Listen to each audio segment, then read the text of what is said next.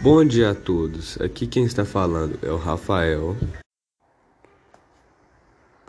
Bom dia a todos. Aqui quem está falando é o Miguel. Estamos apresentando o nosso podcast.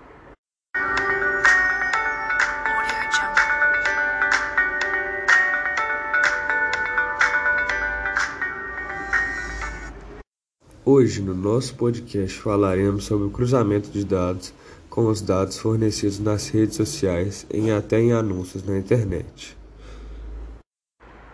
De acordo com a Receita Federal, ela utiliza informações de redes sociais todos os dias na análise e seleção de contribuintes para a fiscalização.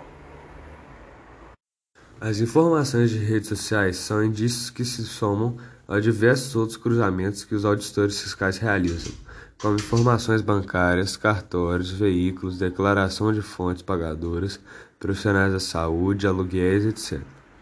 Trata-se de cruzamento de informações que se aperfeiçoa cada dia com a retroalimentação dos sistemas, com a experiência dos auditores fiscais, bem como na própria evolução da tecnologia importância de você ter esses cruzamentos de dados é que teremos muito menos fake news nas redes sociais, como Instagram, Facebook e também com os anúncios falados na internet. Com isso tudo que falamos hoje, podemos confirmar que existem muitas notícias verdadeiras e muitas fake news nas redes sociais, como Instagram e o Facebook, e até anúncios na internet. Com isso, o cruzamento de dados é importantíssimo para tentar tirar o máximo de fake news.